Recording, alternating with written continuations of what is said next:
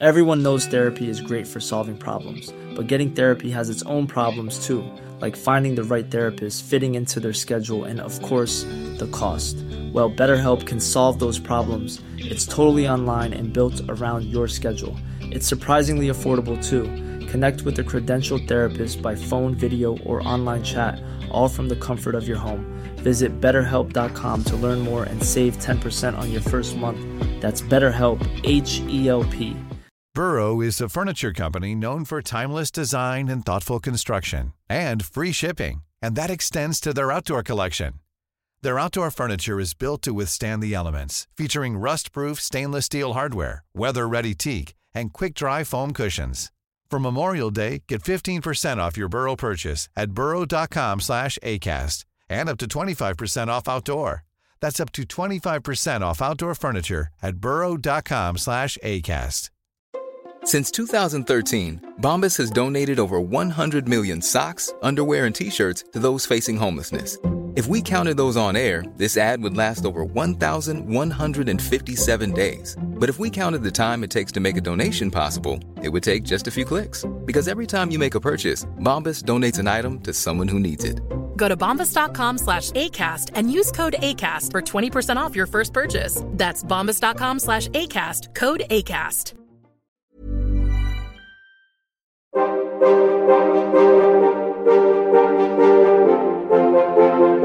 De oudheid is fascinerend. Een enorme puzzel waarvan we stukjes hebben. En heel veel stukjes ook niet. Al op de basisschool trokken de verhalen over het oude Egypte, de Romeinen, Griekse mythen, het oude China en het onderzoek naar al die oude culturen en mensen me als een magneet naar zich toe. En ik wil meer. Graag neem ik, Timo Epping, je in deze podcastserie mee op reis naar het verre verleden. Ik ga in gesprek met wetenschappers die ons in iedere aflevering een uurtje meenemen in hun eigen onderzoek. Hun eigen zoektocht naar de oudheid. Het is tijd voor de oudheid.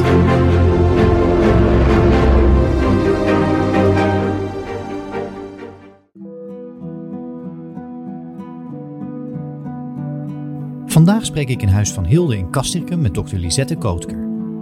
Lisette is assistant professor in the Isotope Archaeology and Forensics Group of the Earth Science Department aan de Vrije Universiteit Amsterdam. In 2017 promoveerde zij aan diezelfde universiteit met de dissertatie Mapping Migrations: The Application of Strontium Isotopes in Dutch Cultural Heritage Research, waarvoor ze tijdens de Reuvensdagen in 2018 de tweejaarlijkse WA van S-prijs ontving voor de beste dissertatie. Lisette, fijn dat je ons meeneemt naar de oudheid. Waar neem je ons tijdens deze aflevering mee naartoe? Ik neem jullie mee naar de wonderenwereld van biomoleculaire onderzoek in de archeologie. En eigenlijk specifiek het isotopenwereldje. Dus wat kunnen we vertellen met, uh, nou ja, aan de hand van die mooie technieken die we van de, van de aardwetenschappen geleend hebben, maar die we toepassen op de, op de archeologie. Nieuwe technieken, geleend uit de aardwetenschappen en toegepast op de archeologie. Lisette, je noemde het al, isotopenonderzoek. Om te beginnen, waar hebben we het dan precies over? Wat is het? Nou, waar hebben we het nou eigenlijk over? Nou, met isotopenonderzoek, het kent zijn basis natuurlijk uh, in, in de chemie, in de aardwetenschappen. Maar wat zijn isotopen? Van alle elementen waar jij bent opgebouwd, hè, waar je eten uit is opgebouwd, bestaan verschillende vormen. Dus bijvoorbeeld van koolstof heb je een koolstof 13 en een koolstof 12. En die zijn eigenlijk chemisch gewoon best hetzelfde. Ze gedragen zich hetzelfde. Het, grootste verschil is dat ze qua gewicht, qua massa net ietsje anders zijn, omdat die samenstelling van die kern anders is. Dus op het moment dat we het over isotopenonderzoek hebben, dan hebben we het eigenlijk gewoon over de verschillende vormen van eenzelfde element en daar dan een ratio tussen, een verhouding tussen. Dus in het geval van het, uh, het onderzoek wat we doen naar herkomst, dat doen we aan de hand van een, een, uh, een element, dat noemen we strontium. En dan kijken we specifiek naar twee vormen: 87 strontium en 86 strontium. En die verhouding daartussen, die vertelt ons het verhaal waar iemand vandaan komt. Dus dat is het isotooponderzoek. Ja, dan gaat het echt om in kaart brengen in het recente verleden, of in het verre verleden in dit geval, specifiek naar stromen kijken, naar mensen kijken, naar netwerken kijken. Waar komen mensen vandaan? Hoe verspreiden mensen, dieren, voorwerpen zich over de wereld? Dat is ongeveer waar je nou ja, als wetenschapper dan mee bezig bent. Toch? Ja, dat zijn, dat zijn, de grote vragen. Ja. ja. En hoe doe je dat in de praktijk? Hoe gaat dat concreet in zijn werk? Je zegt, nou, het is eigenlijk dat, dat die elementen wegen, die elementen bekijken en daar conclusies uittrekken. Mhm. Hoe ga je in de praktijk aan de slag met een casus? Nou, allereerst, je komt aan het einde van de lijn. Dus er wordt, er wordt opgegraven, worden skeletten gevonden bijvoorbeeld. Die gaan naar een osteoarcheoloog, er wordt onderzoek gedaan, er worden misschien monsters genomen voor DNA. En uiteindelijk komt zo'n nou ja, zo'n casus bij mij terecht. We willen weten waar zo iemand vandaan kwam. Of hij misschien wel mobiel is geweest gedurende het leven. Nou, dan zorg ik ervoor dat de archeoloog of de osteoarcheoloog voor mij die tanden trekt. Want ik ben specifiek op zoek naar tanden in deze vraagstellingen. En die komen die tanden, die gaan naar mij, naar de universiteit, Vrije Universiteit Amsterdam. En dan maak ik ze schoon en bemonster ik een heel klein beetje glazuur.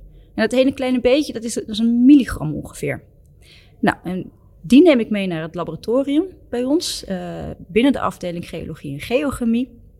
Dus we passen gewoon exact dezelfde methodes toe als in de aardwetenschappen. En door middel van wat we noemen uh, kolomchemie, uh, zorgen we ervoor dat we het strontium wat in het glazuur zit eruit kunnen halen. Nou, en dat stoppen we in een massaspectrometer. Die kijkt dus specifiek naar die verschillende massa's. Hè. Hoeveel 87, hoeveel 86. Nou, en die gooit er een getalletje uit. En dat kunnen wij vervolgens weer interpreteren. En dan communiceren wij dat terug in de vorm van een verhaal, een interpretatie naar de archeoloog. Een tand. Een heel klein stukje glazuur kan Lisette dus vertellen of iemand in het verre verleden mobiel is geweest. Bijvoorbeeld waar iemand oorspronkelijk vandaan kwam of vroeg in het leven woonde. Daarover straks nog veel meer. Over hoe dat werkt en hoe dat soort verhalen uit het onderzoek te destilleren zijn. Eerst verder op isotopen en, waar ook de afgelopen jaren veel aandacht voor is, onderzoek naar antiek DNA. Hoe nieuw of vernieuwend is dit onderzoek eigenlijk? Is het nieuw? Ja, hoe definieer je nieuw natuurlijk? Um, als je kijkt naar nou ja, de, de, eerste jaren waarin isotooponderzoek werd toegepast in de archeologie, dan moet je teruggaan naar eind jaren 70, eh, begin jaren 80. Dus dan zie je meer dan vier decennia geleden. Dus in, hoeverre is het nou nieuw? Ik zou het niet meer nieuw willen noemen. Wat ik wel nieuw wil noemen, is de, is de wijze waarop we in de archeologie eigenlijk dat isotooponderzoek, maar ook het DNA-onderzoek, veel meer inbedden, incorporeren in het, in het huidige onderzoek. Dus we nemen het veel vaker mee, het wordt veel vaker toegepast. Ja, en, en ja, hoe meer data, hoe meer gegevens je genereert, hoe groter de verhalen zijn die we uiteindelijk kunnen vertellen. Dus is het, is het nieuw? Dat misschien niet helemaal.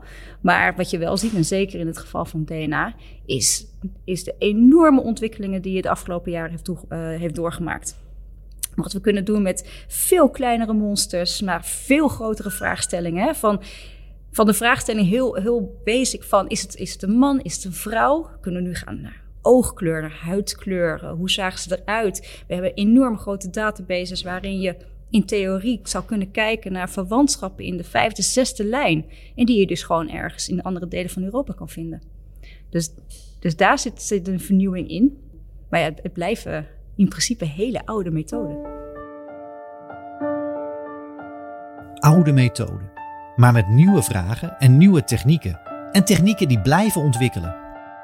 Kijkend naar specifiek isotopenonderzoek, technieken die Lisette overigens ook toepast in hedendaags forensisch onderzoek, hoe helpt dat ons om dichter bij de oudheid te komen? Of de oudheid dichter naar ons toe te halen en beter te begrijpen? Ja, ik denk dat er verschillende wegen zijn. Maar het belangrijkste is wel als je gewoon terugkijkt naar, naar de theorieën van de afgelopen jaren. De decennia voordat we überhaupt DNA of isotopenonderzoek hadden, is heel veel gebaseerd op bijvoorbeeld typologieën. Dus bepaalde typologieën aan, aan, aan, aardewerk wat we vonden, werd gekoppeld aan mobiliteit van mensen. Maar ja, was het nou daadwerkelijk mobiliteit van mensen of was het juist een diffusie van ideeën dat we bepaalde typologieën juist in andere delen van Europa zagen? Nou, en in het geval met, met het isotooponderzoek gaf het je gewoon een mogelijkheid om niet alleen naar, naar de theorie meer te kijken, maar nu echt gewoon naar de mens te kijken. Kwam, hè, dat potje, dat kwam waarschijnlijk de typologie uit Zuid-Frankrijk. Maar de mensen die erbij zijn gevonden, kwamen die daar ook vandaan? En, en hoe zat het met pionierende uh, populaties bijvoorbeeld? Dan zien we bijvoorbeeld in, uh, in hele oude, nou ja, in, in nou ja, oude grafvelden, dat er mensen zijn van buitenaf. En die periodes die daarop volgden, dat het juist veel meer stabiliteit is in, in, in termen van herkomst. Nou, dat zijn denk ik de, de, nou ja, de grote stappen die we kunnen maken om dichter bij de oudheid te komen. Om daadwerkelijk te snappen wat er, wat er gebeurd is vroeger. Om veel meer begrip te hebben op nou, waar komen mensen vandaan, hoe complex waren die netwerken. Lisette gaf al aan dat isotopenonderzoek vanuit de aardwetenschappen naar de archeologie is gekomen. Een hele praktische vraag dan. Waarom eigenlijk? Waarom is men dit onderzoek, deze technieken, toe gaan passen in de archeologie? Ik denk, ik denk dat de waarom-vraag zit uit, uit pure nieuwsgierigheid natuurlijk om het, om het daadwerkelijk te kunnen weten. En dat was in, in de jaren tachtig dat voor het eerst dat strontiumisotopenonderzoek werd toegepast. Dat iemand gewoon eigenlijk de puzzelstukjes bij elkaar legde van... oké, jullie willen weten waar zo'n persoon vandaan komt. En vanuit de aardwetenschappen kunnen wij eigenlijk wel bepalen... nou ja, van, vanuit welke geologie zo'n nou ja, zo'n ratio uh, gekoppeld kan worden. Dus die hebben het gewoon bij elkaar gepast. Uh, en, en die techniek uit de aardwetenschappen toegepast. Ja, en ik denk dan dat het gewoon is dat een grote waarom. Het is, het is gewoon puur de nieuwsgierigheid en, en de wil het zeker te weten, denk ik. Ja. Hoewel dat natuurlijk ook met een korreltje zou genomen mag worden. Het zeker weten. In ieder geval een punt van discussie. Ja, absoluut. En wat wel leuk is daarin, het is uh, pure nieuwsgierigheid. Dat is iets uh, volgens mij uh, dat in het verlengde van jouw natuur ligt. Pure mm -hmm. nieuwsgierigheid. Um, wat kan er nou wel en wat kan er nou niet? Als je het hebt over isotopenonderzoek, over jouw specialisatie, jouw vakgebied. Nou, wat er, wat er bovenal niet kan, is dat je met absolute zekerheid kan zeggen: daar komt iemand vandaan. Dus dat, uh, dat, dat is te lastig door de enorme overlap die we zien in, uh, in, in, in, in, die verhoudingen waar we naar op zoek, zoek zijn. Die vinden we in Nederland, die vinden we in België, die vinden we in Frankrijk. Dus om te zeggen, nou, die persoon komt absoluut uit Castricum, dat is, dat is praktisch onmogelijk. Dit is een methode van exclusie. Dus het geeft ons wel de ruimte om te zeggen: hé, hey, deze persoon komt met zekerheid niet uit Castricum of uit deze regio. En dan ga je op zoek naar potentiële herkomstgebieden. Dus daar, daar ligt echt een, een onmogelijkheid van, uh, van de methode. Tot zover in een notendop een introductie op isotopenonderzoek. We gaan straks met Lisette het Huis van Hilde in om in twee casussen waar zij aan heeft gewerkt te worden meegenomen. Maar eerst een stap terug. Lisette staat in Nederland bekend als een pionier. Lisette, hoe is het isotopenonderzoek eigenlijk ooit op jouw pad gekomen? Ik studeerde op de Universiteit Amsterdam in een, een, specialisatie van de, van de aardwetenschappen. Dat heet uh, geoarcheologie. En met een masterrichting uh, archeometrie. En binnen die masterrichting werd op de, de bioarcheologie, of de biomoleculaire archeologie, dat werd, nou, werd als vak gegeven. Met, met docenten uit, uit Engeland onder andere. En daar kwam dat hele DNA- en isotooponderzoek voorbij. En toen dacht ik, dit is het.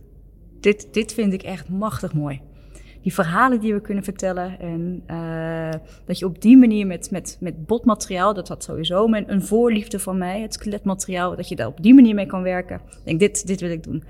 Toen ben ik, nou, toen zag ik het licht. En toen ben ik afgestudeerd op een heel ander onderwerp, op de, geochemische karakterisatie van Romeinse mortels.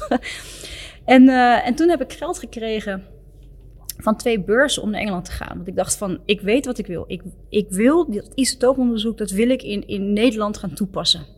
En want het bestaat al, we kunnen het. Alleen in Nederland was het eigenlijk geen, nou ja, geen, geen richting überhaupt.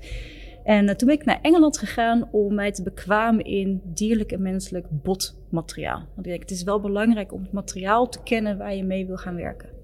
Toen ben ik daarin afgestudeerd, ben ik terug naar Nederland gekomen en uh, ben ik parttime als archeozooloog gaan werken bij Archeplaneco en parttime als, uh, als onderzoeker op de VU. Met, met één doel en dat is dit, nou, dit verder aan de man brengen. En nou, toen kwam er gelukkig een, een, projectje van de Universiteit York voorbij. Wat, wat mijn training kon bekostigen in het, in het laboratorium. Ja, en op dat moment is het gewoon eigenlijk ja, acquisitie het vertellen van ja, dit, dit, dit kunnen we doen. We, we, hebben het nog niet gedaan. En we moeten onszelf ook echt nog leren. En we hebben geen database. En we weten nog niet precies hoe we het kunnen interpreteren. Maar we moeten ergens beginnen.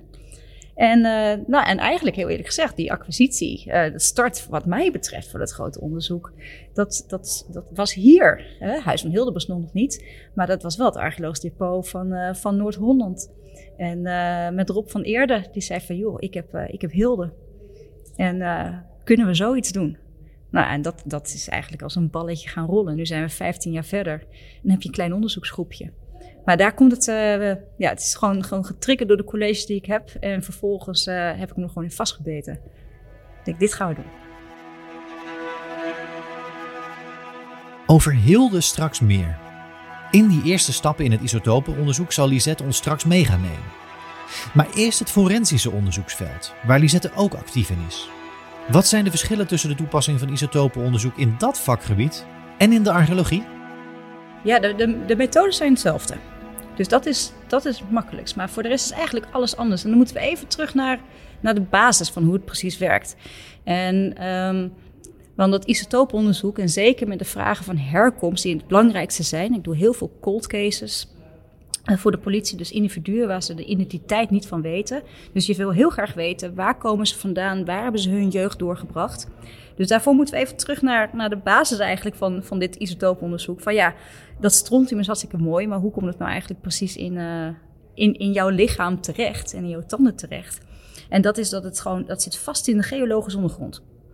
En die geologische ondergrond, die, uh, die verweert, er wordt een bodempje.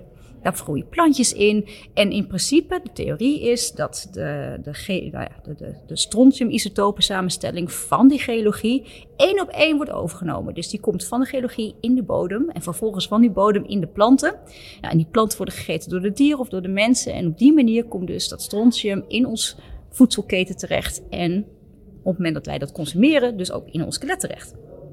Nou, dat is de theorie. In de archeologie is de misschien gevaarlijke aanname natuurlijk dat het gros van het voedsel wat jij consumeert uit de lokale omgeving komt.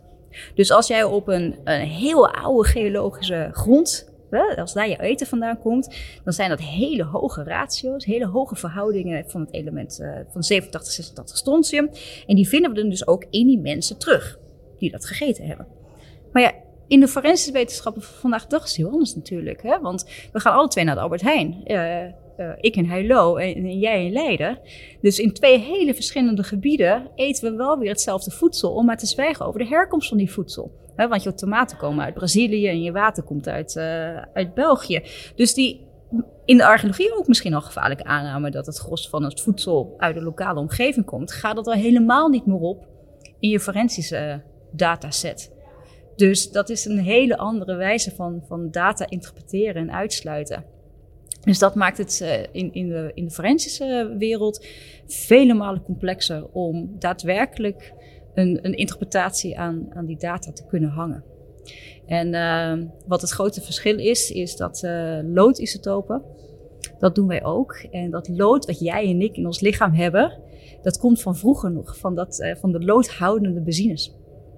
Dus dat is mooi, omdat die, de, de, de oorsprong van het lood, dat was significant anders in delen van Oost-Europa vergeleken met delen van Noordwest-Europa. Dus op het moment dat ik loodisotooponderzoek doe op die forensische casussen, dan kan me dat het beste vertellen of iemand uit Oost-Europa komt, of iemand een deel van zijn jeugd of zijn laatste leven, laatste jaar van het leven in Noordwest-Europa heeft doorgebracht. Dus dat is het. Uh, dat, dat, dat, nou ja, dat maakt het anders eigenlijk. Dus het methoden zijn hetzelfde. Interpretatie is, uh, is zo nu en dan een beetje lastiger. Ja, waarbij je bij het forensisch onderzoek vooral kijkt naar een soort van supermarktsignatuur, zou je kunnen ja, zeggen. Nou, ja, het is, ja, we noemen het in de, in de, in de literatuur het supermarktdieet. Ja, ja en, en in de archeologie dan meer, en dat is de aanname die je zegt. Ja. En nou ja, dat, dat de, zeg, een lokaal signatuur uit de bodem te lezen valt. Ja. Maar dat kan ook een signatuur zijn dat op verschillende plekken in bijvoorbeeld Europa voorkomt. Oh ja, absoluut. Dus uh, zeker als je maar naar één isotopensysteem zou kijken, dus bijvoorbeeld alleen naar strontium, dan vind je, uh, nou sowieso is Nederland voor meer dan 60% gekarakteriseerd door exact dezelfde verhoudingen. Maar vinden we die verhoudingen, die vinden we ook in de rest van Europa voor. Dus dat, is, dat, dat maakt het heel erg lastig. Daarom in de meest archeologische projecten zou ik altijd de combinatie zoeken van verschillende isotopensystemen. Dus dan gaan we bijvoorbeeld strontium met, met van, van zuurstof combineren. En zuurstof geeft ons informatie over ja, hoe ver van de kust jij, uh, jij geleefd hebt. Dus dan weet je in ieder geval zeker, uh, met die combinatie van die, van die twee, dat bepaalde, nou, dat hoewel de, de strontium misschien wel vergelijkbaar of compatibel met delen van Nederland is. Maar die zuurstof niet. Dus dan weet je zeker dat je bij dat individu een herkomst ergens anders in Europa moet gaan zoeken. Nou ja, en er worden natuurlijk steeds meer datapunten worden gegenereerd, steeds meer kaarten worden er gemaakt. We kunnen steeds accurater uh, de data interpreteren. En uh, ja, dat, dat, betekent misschien zo nu en dan ook wel dat we eens terug moeten kijken naar de projecten die we 15 jaar geleden hebben geïnterpreteerd. De, de, de kwaliteit van de data is, is prima. Daar, daar, twijfel ik geen moment over. De interpretatie van de data, ja, die zou misschien wel iets anders kunnen zijn met de kennis die we vandaag de dag hebben. En dat is dus echt een vakgebied in ontwikkeling. Ja, zeker. Dit, dit zijn de grote sprongen die, uh, die gemaakt worden. Dat is in de data-interpretatie. Zowel trouwens in de archeologie als in de forensische wetenschap.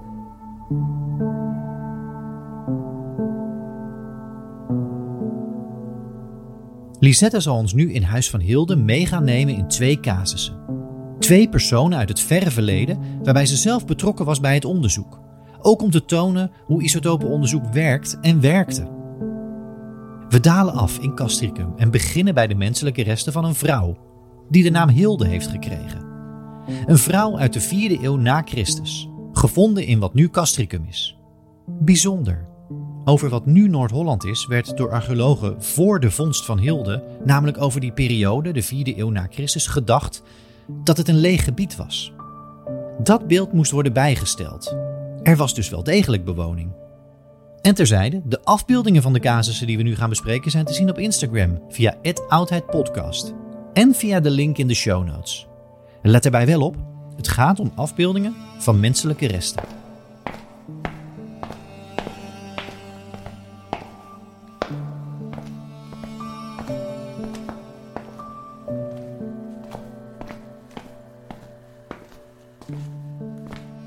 Lisette, we staan nu uh, op zaal in Huis van Hilde. Ja. We staan bij Hilde, Hilde zelf. Belangrijk ook voor Huis van Hilde, naamgeefster van Hilde ook eigenlijk. Ja, ja, ik denk dat een deel van het Huis van Hilde de, uh, is om Hilde gebouwd, inderdaad. En voor mij is het ook heel belangrijk. Ja, want het is eigenlijk, uh, nou ja, laten we de stap zetten.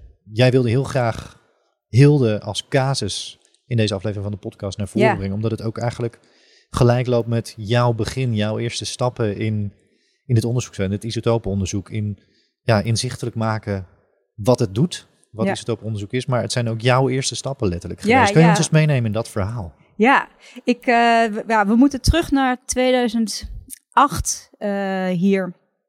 En nou weet ik niet precies hoe het gegaan is, maar ik weet wel dat uh, Rob en ik kwamen met elkaar in contact.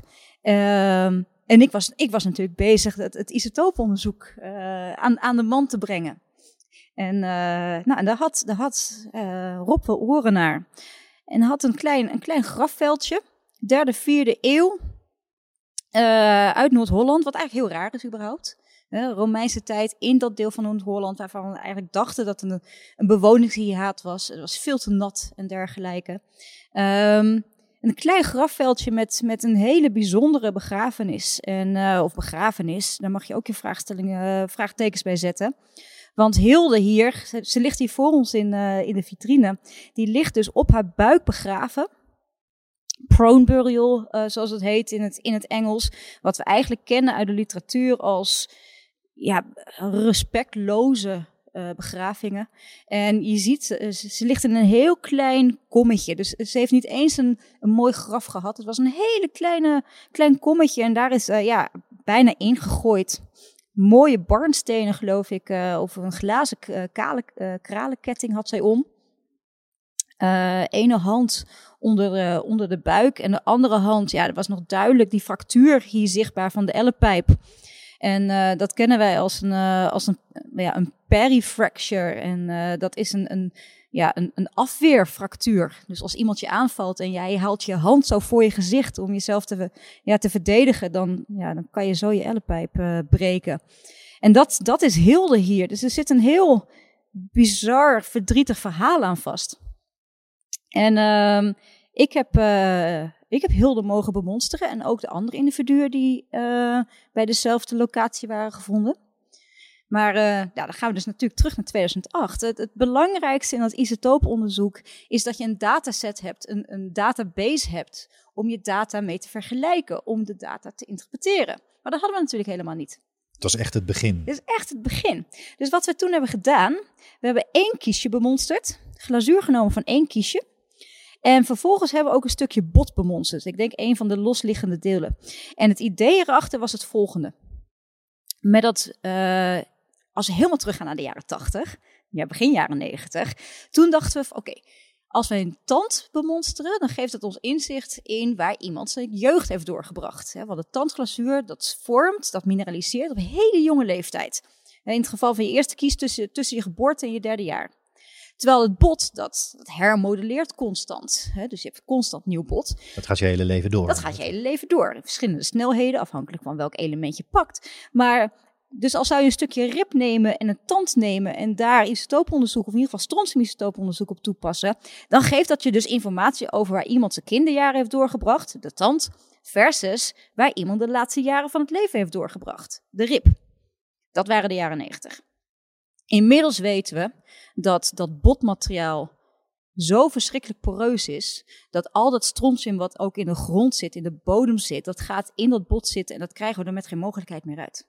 Dus dat is wat we noemen eigenlijk gewoon diagenetisch materiaal. Daar hebben we dus gebruik van gemaakt bij Hilde. Dus we gaan, eh, zijn er vanuit gegaan van oké, we weten dus niks over de achtergrond. We hebben geen vergelijkingsdataset. We hebben die tand genomen om te kijken waar zij vandaan kwam, waar zij haar kinderjaren doorgebracht. En we hebben een stukje bot genomen, aannemende dat het 100% was omgezet in het strontium wat in de bodem van Castricum voorkwam. Nou, op het moment dat je daar dus een, een verschil in had, een verschil tussen bot versus een verschil in tand, nou ja, dan was het indicatief voor mobiliteit gedurende het leven, wat, wat bij Hilde dus het geval was. Ja, want eventjes, je kijkt dan inderdaad nadrukkelijk naar, in dit geval een individu, een vrouw, gevonden in wat nu castricum is. Ja. Ehm, en je wilde onder hè, het onderzoek doen van is dit nou een local geweest? Iemand die dus ook lokaal opgegroeid, geboren is geweest? Of is het iemand van buiten? Want dat daar komt ook dat kralensnoer weer om de hoek kijken. Dat is in ieder geval een snoer waarvan van het glas gesuggereerd wordt. Dat komt van buiten, dat komt uit Duitsland, wat we nu mhm. kennen als Duitsland. En dat zou je zo kunnen interpreteren als dat is geïmporteerd. Ja. Maar in dit geval weten we misschien meer over Hilde, in dit geval dan zelf ook. Ja, want uh, wat ik zei, zij, zij kwam. Er zat een verschil tussen het bot en die tand. En die, in die verhouding, die strontiumratio in die tanden. Ja, die, die was zelfs voor vandaag de dag echt aan de zeer hoge kant voor Nederland. Dus dat sloot eigenlijk al uit dat ze uit de regio Castricum afkomstig was. Maar ja, vervolgens ga je dus op zoek van waar, waar komt ze dan vandaan? Ja, en dan zit je dus wel in 2008. We weten niet hoe Nederland eruit ziet.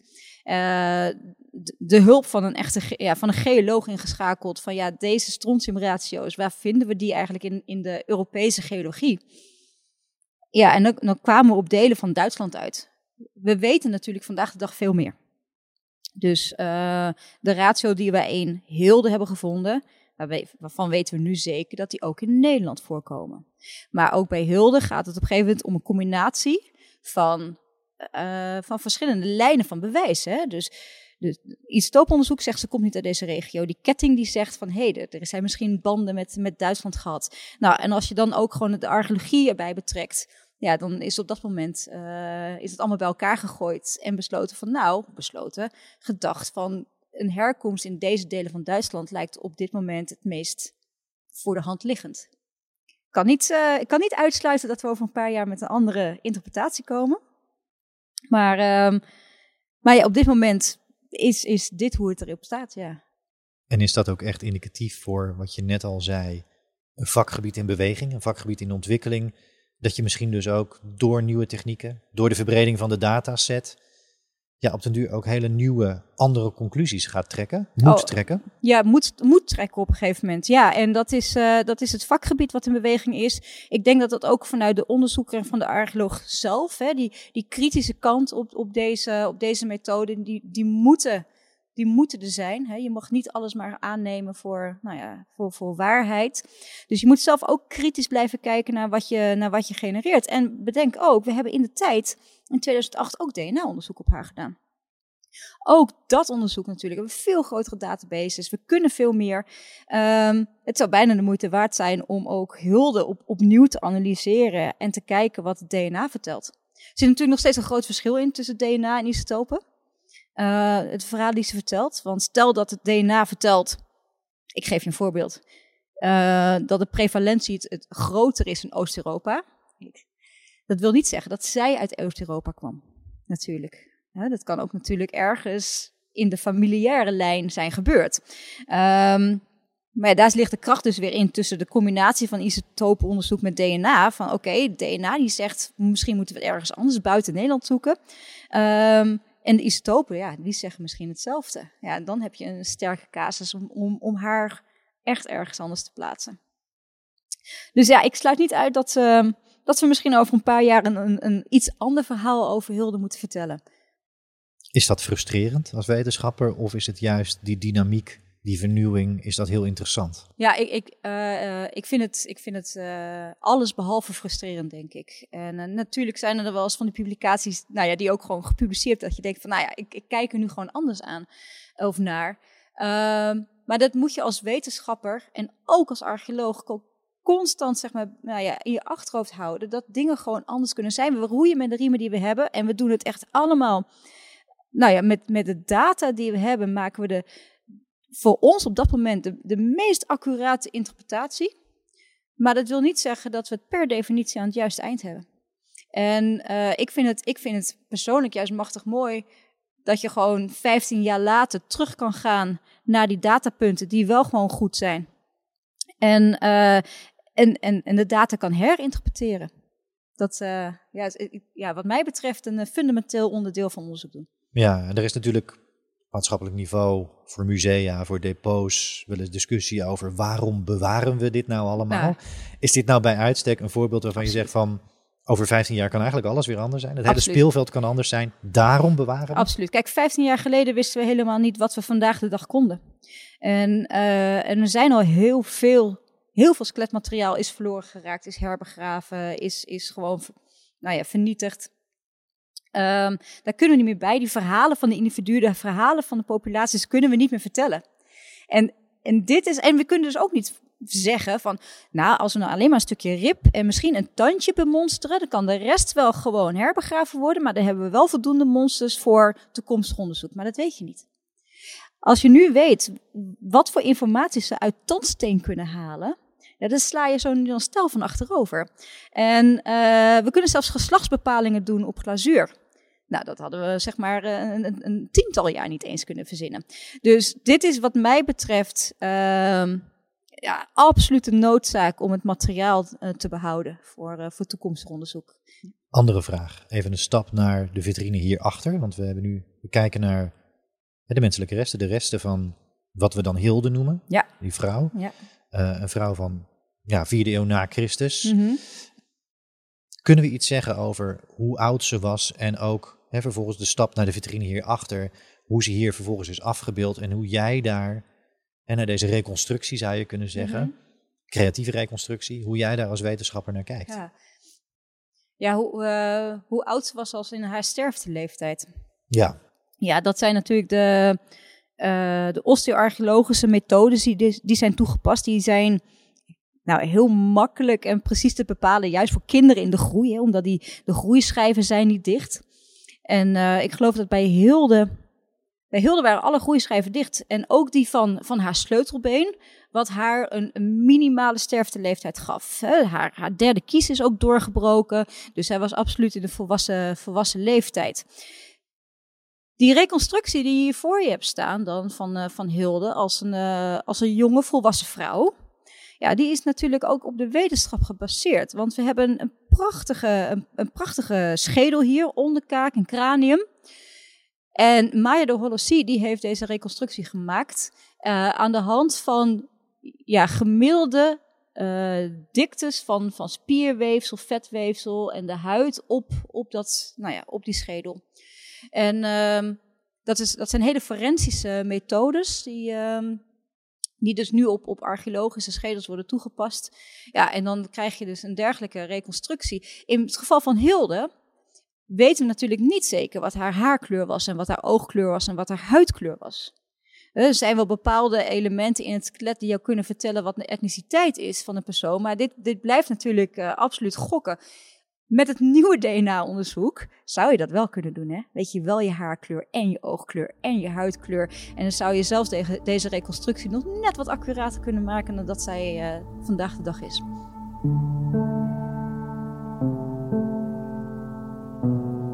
Van de menselijke resten van de vrouw die nu Hilde wordt genoemd, lopen we in huis van Hilde weer naar boven. Daar neemt Lisette ons mee naar een andere vitrine voor de tweede casus. Jan uit Oostwoud. Het lichaam, een compleet skelet van een man uit het laat Neolithicum. Opgegraven op een site waar in 1956 en 1957 aan is gewerkt. Hij was 1,85 meter lang en lag in een zogeheten hurkgraf. Een man in gestrekte houding, met opgetrokken knieën, in een ruimte, een soort kamertje zou je kunnen zeggen van hout. Zonder grafgiften, alleen met twee vuursteenmesjes. En Jan wordt ergens in de periode 2450 tot 2000 voor Christus gedateerd. Ook bij dit onderzoek was Lisette betrokken, maar de situatie en dus het vertrekpunt van het onderzoek was in deze casus heel anders.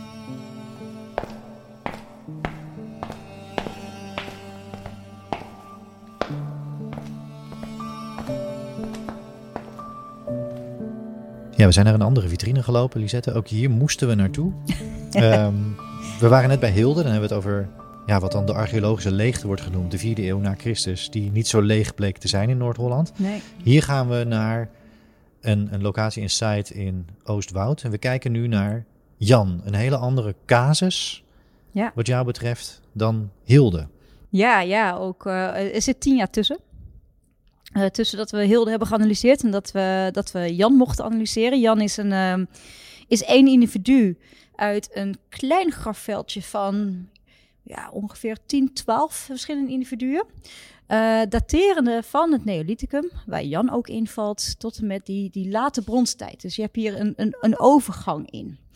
En um, ja, dan zie je wel wat, wat het verschil is met, uh, met Hilde. Niet alleen hadden wij in 2017, dat wij Jan analyseerden, een isotopische landschappenkaart van Nederland. Dus konden we de data ook daadwerkelijk nu vergelijken met iets. Um, maar je ziet ook gewoon de, de stappen in het veld die we hebben genomen, waar we in het begin in het pionerende onderzoek met Hilde nog, nog één tand analyseerden. We gingen alleen voor die eerste molaar, die mineraliseert natuurlijk op die hele jonge leeftijd. Ja, doen we nu veel vaker een eerste, een tweede en een derde molaar. En dat geeft ons de kans om eigenlijk die intra-individuele mo mobiliteit te onderzoeken in de eerste 16 jaar van het leven. Nou, en Jan is echt een waanzinnig mooi voorbeeld. Dus we zitten hier in, uh, in West-Friesland, uh, Oostwoud. En laten we zeggen dat, dat die regio Oostwoud wordt gekarakteriseerd door, nou eigenlijk door, door zeewater. Dus door ratio's, nou dan komt nog een nummertje, dat is 0,7091 ongeveer. Wat zegt dat? Nou, dat zegt, nou, wat zegt dat? Dat, dat, dat, is, een, uh, dat is een ratio wat in 60% van, uh, van Nederland ongeveer, uh, ongeveer voorkomt. En dat komt omdat een heel groot deel van Holozo Nederland beïnvloed is door dan, dan wel rivierwater, dan wel zeewater. En, nou, en dat water, nou, dat heeft dergelijke ratio's, dergelijke verhoudingen. Maar toen wij dus Jan hier gingen onderzoeken, vonden we dus veel hogere verhoudingen in die eerste en die tweede kies. Dus die in de eerste acht jaar van het leven uh, gemineraliseerd worden. Dus dat wil zeggen dat die eerste acht jaar van zijn leven zeker niet in die regio Oostwoud heeft doorgebracht. En die derde kies, die gaat dus richting die 0.7091.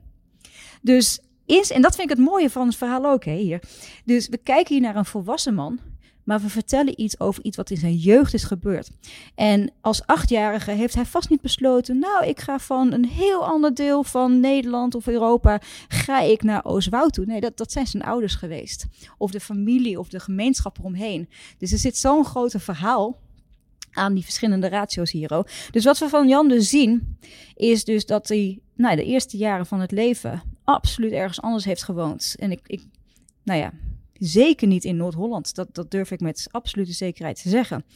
Maar vervolgens, vanaf zijn achtste jaar, ja, mogelijk wel in de regio Oostwoud heeft, heeft doorgebracht. Ik kan niet uitsluiten dat ergens anders is geweest. Een ander gebied waarvan de isotopenratio's vergelijkbaar is met dat van Oostwoud.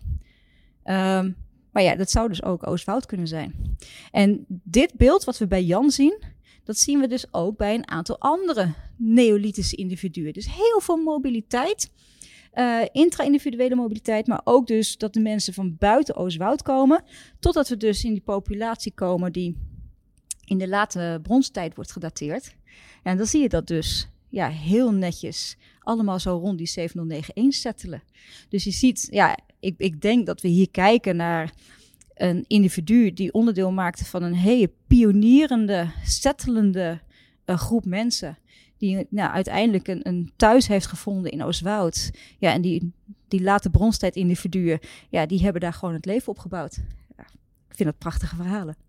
Ja, prachtige verhalen. En een prachtig voorbeeld ook van juist hoe jouw vakgebied zich ontwikkeld heeft. En hoe je dus inderdaad die verhalen kan vertellen, nog meer kan vertellen, misschien wel hele biografieën eigenlijk samen kan stellen. Hele biografieën, absoluut.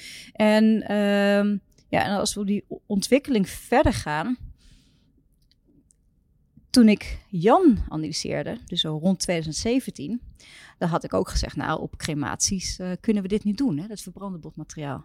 Maar we zijn nu 2023 en ik denk dat uh, eh, 80% van het werk wat ik op dit moment doe, crematiemateriaal is. Dus ook daar zijn we verder in gegaan, weten we veel meer. En uh, zijn ook juist in die periodes, want het feit dat we uit bijvoorbeeld die Romeinse tijd hè, van Hilde, dat we skeletmateriaal hebben, is al uniek. Hè, want er werd nu al gecremeerd in die periode. Um, dus ja, we, we kunnen nu ook ja, een veel grotere populatie pakken. Dus ook de periodes waarin gecremeerd werd, kunnen we nu dergelijke verhalen proberen te vertellen. Lisette nam ons mee in twee casussen waarbij ze betrokken was. Twee mensen uit het verre verleden die in feite dichterbij zijn gekomen door nieuwe technieken, nieuwe ontwikkelingen. Isotopenonderzoek is in beweging. Het onderzoek naar Hilde zou vandaag de dag waarschijnlijk hele nieuwe, mogelijk andere resultaten opleveren. En er kan ook simpelweg veel meer. Er is meer data. De wetenschap is stappen verder. Maar Lisette, even nu de open vraag. Wie moet hier nou uiteindelijk iets mee? Met al die data en nieuwe inzichten en mogelijkheden. Ja, wie moet wat met de data? Nou, ten eerste absoluut ook mijn opdrachtgevers en het archeologisch eh, werkveld.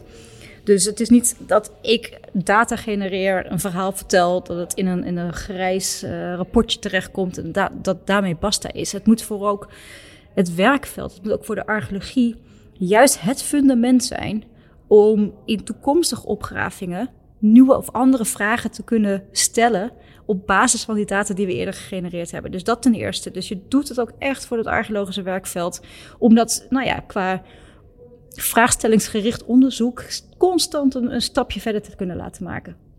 Tegelijkertijd doe je het ook voor je internationale netwerk, je internationale peers. Juist door het publiceren van data, het krijgen van die databases, uh, het deponeren van data in hele grote databases, ja, kunnen we dus nu ook veel beter kijken van oké, we hebben hier dus een, uh, nou ja, een heel mooie vroegmiddeleeuwse uh, site in Nederland. Ja, hoe, hoe raar of hoe normaal is dat eigenlijk als we die vergelijken in, in een grotere Europese vroegmiddeleeuwse uh, context. Nou, dat is precies wat er nu gebeurt. Dus die uitwisseling van data, het grotere plaatje kunnen vertellen, niet meer blind staren op dat ene individu. Um, maar ja, dat, daar, daar ligt de kracht. Dus je, je doet het voor, nou, naast mezelf, maar gewoon voor de archeologie en voor, voor, het, uh, voor het vakgebied.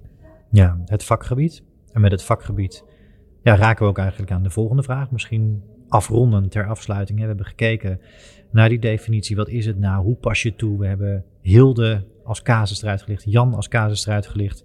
Die data is er, er komt steeds meer, er is steeds meer ontwikkeling.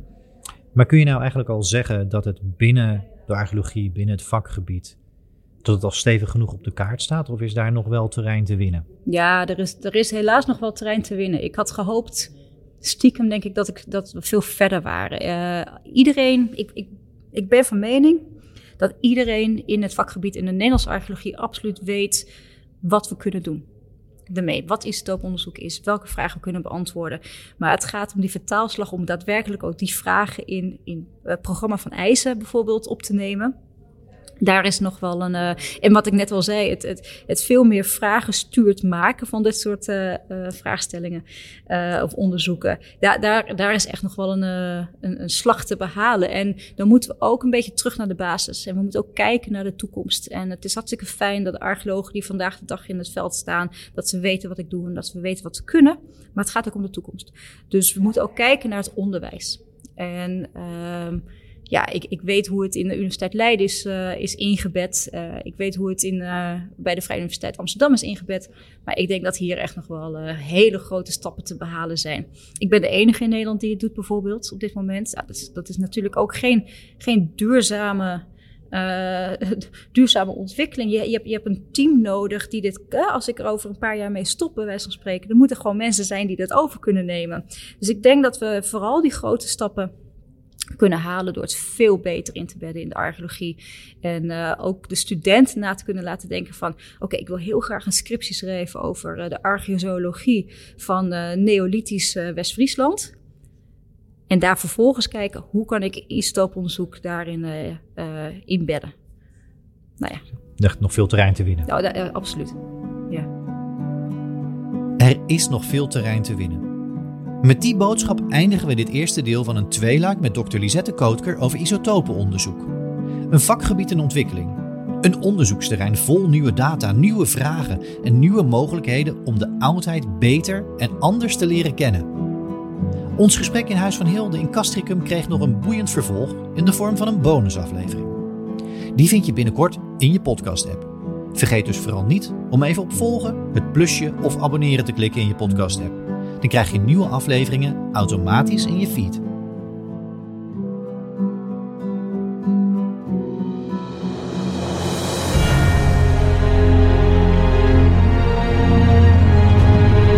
Dank je voor het luisteren naar De Oudheid, de podcast over het verre verleden. En wil je meer oudheid? Vergeet dan niet om de podcast te volgen daar waar jij podcast luistert. Iedere nieuwe aflevering verschijnt dan automatisch in je feed. Likes en reviews worden uiteraard gewaardeerd en vergeet vooral ook niet om de podcast met iedereen die jouw interesse deelt te delen. Heb je ideeën of suggesties voor de podcast?